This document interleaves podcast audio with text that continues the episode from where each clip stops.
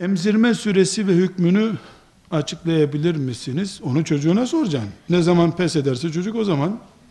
Ama Kur'an 24 ay tavsiye ediyor.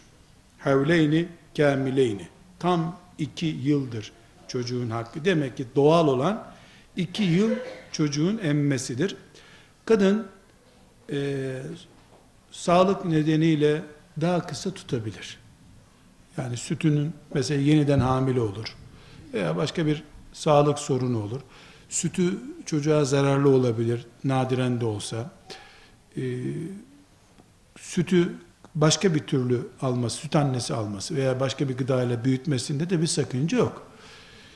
Bu soruda kocasını protesto etmek için emzirmesi olur mu gibi bir soru da var bunda herhalde. Yani bir anaya doğurduğunu emzirmiyor musun sorulur mu bilmiyorum. Kediler bile bunu kabul etmez herhalde. Anneliği böyle kağıt üzerinden konuşmak akıllıca bir şey değil. Yok ki analığın bir kuralı olmaz. Hanımefendiler bir anne çocuğunu öldürse şeriat ona kısas muamelesi yapmıyor. Katil muamelesi yapmıyor.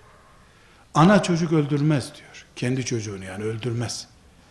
Kazadır bu diyor.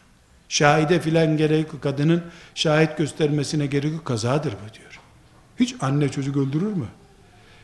Böyle bir mantık üzerinden giden bir şeriatın süt emzirmeye ilgili ne söyleyeceğini herkes düşünebilir.